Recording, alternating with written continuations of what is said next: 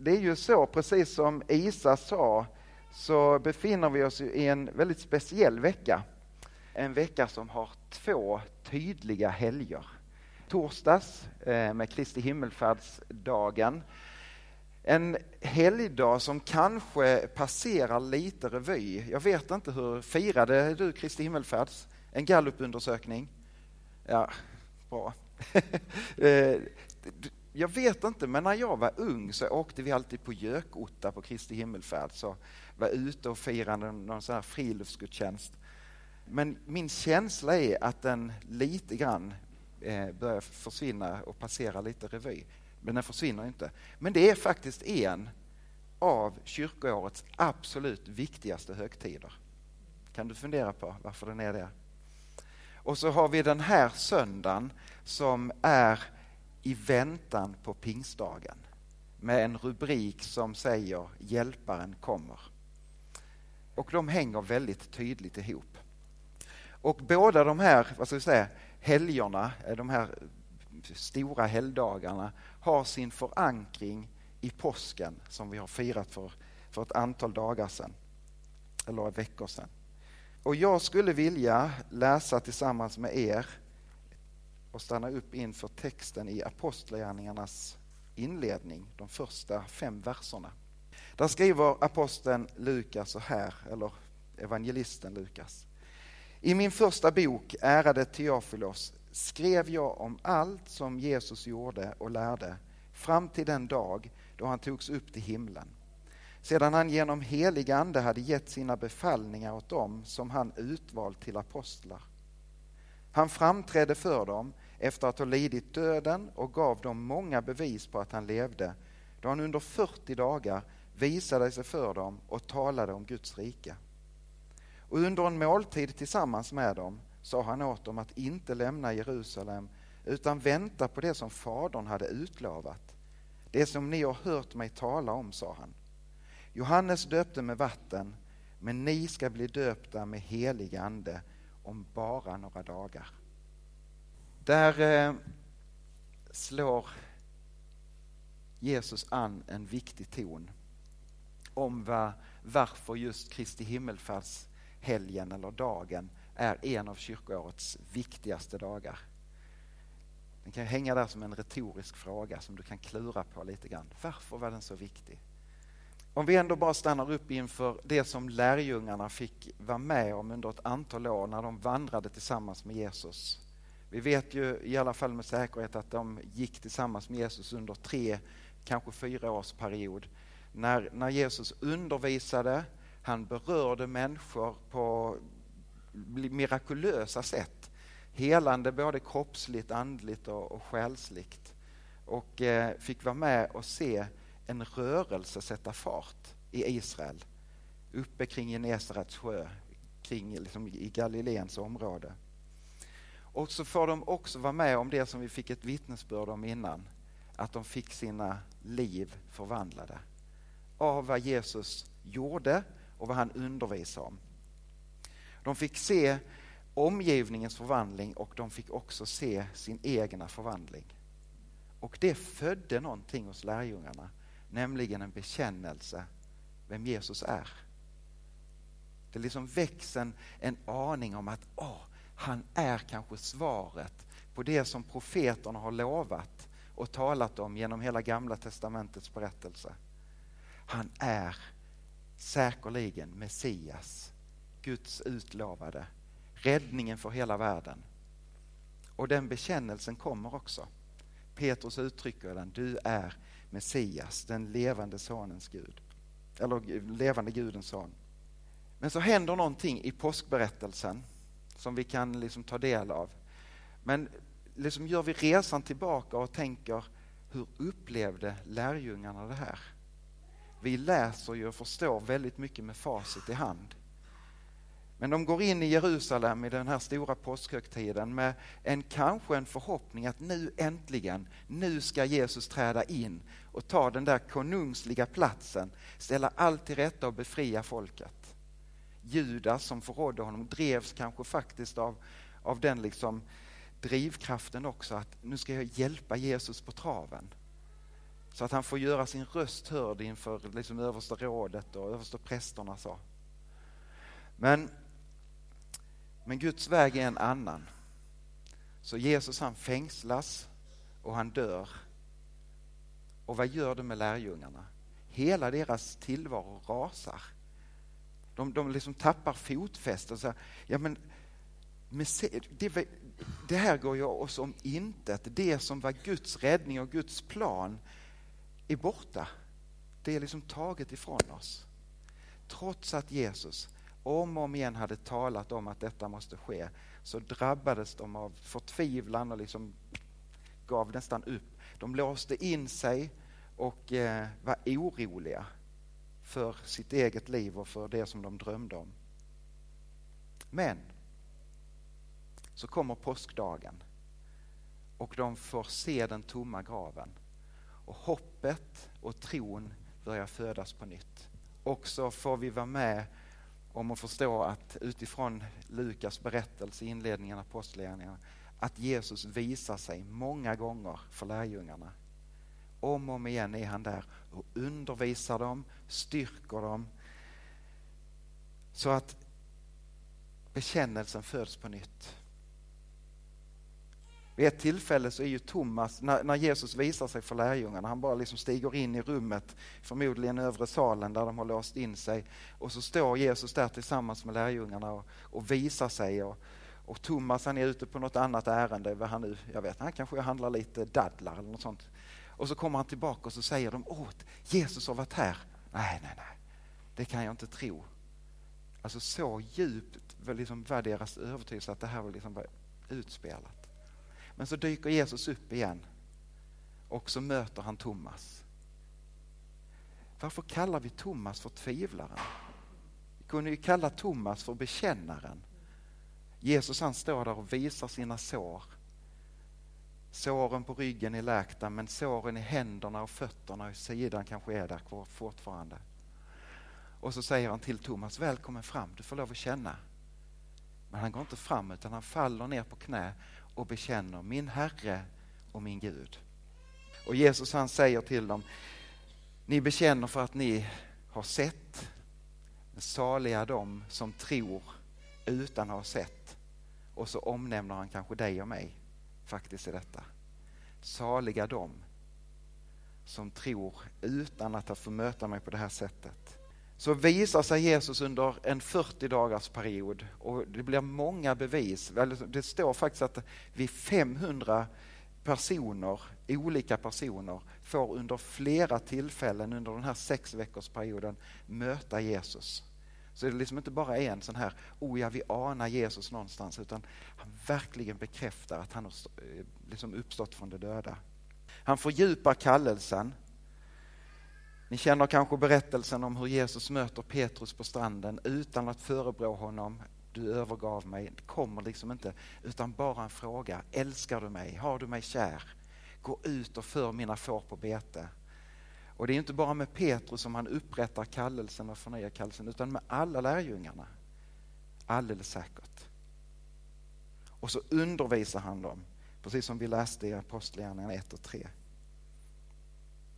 Och här hittar vi nästan en liten rytm som, som den tidiga kyrkan faktiskt plockade upp. 40 dagar av förberedelse i fastan inför påsken. Det var liksom dopkandidaternas stora konfirmationsundervisning. Egentligen så gick de ett helt år i väntan på, på dopet. Men 40 dagar under fastan, där undervisar man om grunderna i kristen tro. Och så genomför de dopet och sen så kommer det en 40 dagars period till där man liksom fördjupar tron och förankrar den så att liksom stå fast, står fast i de löftena som du har fått säga ja till i dopet. Lärjungarna fick vara med om tre års förvandling. Men någonstans anar jag att de fick vara med om 40 dagar som var helt förkrossande, omvälvande när de får möta den uppståndne. Det måste liksom få en ännu djupare dimension när de får möta Jesus efter hans död och uppståndelse. Men så är vi framme vid den där dagen som Jesus faktiskt talade så mycket om. Flera, flera gånger så talar han om det. Precis som du sa Daniel i, i Johannes avskedstal i kapitel 14, 15 och 16. Så är han framme vid, vid den dagen som Jesus har talat om, om att hjälparen ska komma, den heliga Ande. Och därför är Kristi himmelfärdsdagen en av kyrkoårets absolut viktigaste dagar.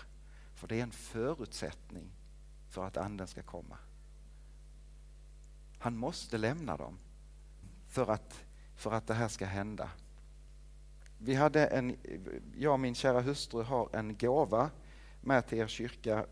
Min fru har skrivit två böcker och den här senaste, Titta mamma himlen är sned” gav vi, det här säger vi inte för att vi ska komma i någon god dag, men, men det kanske är någon slags förlåtande ton över Nej, men eh, Där ligger 20 sådana böcker. Vill du köpa den för 150 kronor så går pengarna hit till kyrkan. Så det blir som ett givande hit.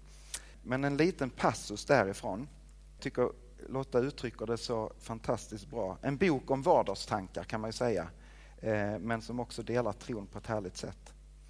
Ett citat först ifrån Filip Jansi. I samband med en sista måltid, när Jesus gav lärjungarna sin frid, så lovade han dem också en ännu större gåva. Guds närvaro, som inte skulle bo i någon himmel långt borta, utan i våra egna själar. Han lovade oss den heliga anden och namnet han valde, Hjälparen, syftar i sig på en av Andens viktigaste roller. Känslan av att Gud är nära kan komma och gå. Ändå kan den troende vara trygg i att Gud redan är nära så att han bor inom oss och inte behöver tillkallas från någonstans långt borta. Så skriver Lotta så här. Guds närvaro. Jesus var och är en smart kille. Om han valt att stanna kvar på jorden i kroppslig gestalt hade det inneburit att vi hade behövt stå i kö eller boka tid med honom för att kunna träffa honom. Tänk dig de köerna. Det är bokningssystemet när flera miljarder vill träffa honom som samma person. Det blir långa köer. Troligtvis skulle du inte få någon tid hos honom, för det skulle vara fullbokat. Bara några få skulle ha förmånen att få träffa honom. Men finurlig som han är så fixar han ett system som gör det enkelt för alla som vill träffa honom. Ett system som inte begränsas av tiden eller platsen. Istället för sin kropp så lämnar han kvar sin ande. Det finns troligtvis många andra andar i vårt universum, men hans är helig, en helig ande, den heliga ande, olik alla andra andar. Oavsett hur mycket fint och gott de lovar så är de inte heliga och alltigenom goda. Det är bara Jesu ande som är det. Fantastisk eh, beskrivning av, av det faktum som är att Jesus är närvarande överallt samtidigt. I tron på honom så flyttar han in på vår insida och delar livet liksom därifrån. Eller hur Marcus? Amen. Och så står anden där som hjälparen, som tröstaren, som vägvisaren och uppmuntraren. Som vill hjälpa dig genom livet. Vi fick ju också läsa ifrån femte Mosebok eh, 31 tidigare och där liksom vi också kan ana om hur Israels folk som har gått ut ur fångenskapen i Egypten har fått se, på samma sätt som lärjungarna, fått se Gud göra mäktiga under och tecken men så faller de tillbaka och börjar liksom knata och knyta. Åh nej, det var bättre i Egypten och vi är hungriga här och, bup, bup, bup och så. Men så kommer löftet. Gud själv ska gå med er. Gud själv ska gå med er. Och det är som, som det är liksom en, en, ligger på Guds hjärta att dela tillvaron med oss på ett så nära sätt. Men som sagt, vi lever med facit i hand. Men tänk er lärjungarna 40 dagar fick de liksom möta Jesus efter uppståndelsen och det är liksom omvälvande. Deras förtvivlan och sorg har övergått till liksom nytt hopp. Och så kommer han igen med en hälsning. Nu ska jag lämna er. Det är för ert eget bästa. Nej! Anar ni liksom? Nej Jesus, stanna här! Du ska väl inte dra igen liksom? Jo, det är mycket, mycket bättre för er. Och så gör han den där himmelsfärden vi kan ju nu mellan Kristi himmelfärd och den här söndagen be om den heliga Andes närvaro. Men, men de levde i väntan. Tio dagar fick de vänta innan pingstdagen kom. Vi kan leva i Andens tid och vi är kallade att göra det. Men det är kanske någonting att lära oss av att faktiskt vänta på Herren. För kanske vi är lite grann som Israels folk eller som människor i allmänhet eller som mänskligheten som, som helhet. Att vi lätt ger upp hoppet och tappar liksom fokuset om vad Gud har talat om. Min erfarenhet är i alla fall sån här att, att ibland kan man ana ett Guds tilltal tydligt eller som en viskning sådär och så, så tänker vi så lätt att oh, det ska hända nu, direkt. Och det, Gud kan ibland tala så tydligt så att liksom, ja men det är verkligen nu det ska hända. Men så kanske det går veckor, sen kanske det går år, sen kanske det går nästan ett helt liv och vi ser inte det där som Gud har talat om. Men så är det som att Gud bara vill uppmuntra, ge inte upp hoppet. Det jag har talat, det kommer att ske i rätt tid. Släpa inte efter, Magnus, men spring heller inte före. Utan invänta tiden. Plötsligt kommer det att ske. Och ibland så kan vi komma med våra böner med en sån intensitet. Liksom, Gud, jag längtar efter detta. Och så kan vi förväxla vår bön med Guds tilltalet om att detta ska ske. Ibland så kanske vi får leva ett helt liv utan att få svaret så som vi hade önskat det från Herren. Också där är vi kallade att vänta. Jag tänker på alla som lider av sjukdom eller på andra sätt som har gått till förbön så många gånger. Men stark tilltro till att Gud kommer att hela. Och jag tänker för mitt eget liv när jag brottas med sådana grejer eller när man får be med människor. Så ja, men Gud vill möta dig här och nu. Han går med dig. Det är en realitet och en sanning. Men kanske du får vänta på ditt bönesvar till den dag du stiger in i hans gemenskap i himmelriket. Det ligger i Guds hand. Så vila i löftet som faktiskt redan har gått i uppfyllelse. Gud låter sin ande utgjutas över sitt folk om och om och om igen. Och i tron på honom så bär du den heliga ande alldeles precis oavsett. Alldeles precis oavsett vad du känner eller vad du tänker eller vad du upplever så är Gud där och delar livet med dig. Det är många löften ifrån Herren. Också denna att han vill möta oss med sin förlåtelse. Och den är som en grund för att vi ska kunna leva i den här nära gemenskapen med Herren. När vi nu ska få gå in och fira måltiden, också ett tydligt tecken på Guds direkta, konkreta närvaro. När vi får ta emot bröd och vin så får vi ta emot Herren själv riktigt in i vår kropp. Så får vi göra det utifrån att vi får på något sätt ställa oss inför Herren och säga, här är mitt liv. Så här blir detta.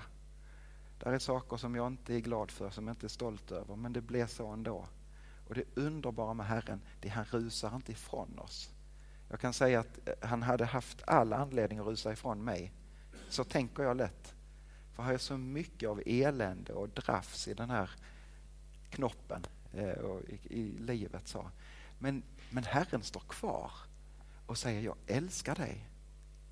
Och jag, är, jag vill ge av min förlåtelse på nytt. Så att vi kan leva i den här hela relationen. Så när vi ber syndabekännelsen så är det inte bara det att vi gör det en gång då och då utan det är på något sätt ett sätt, en livsstil att leva i och utifrån.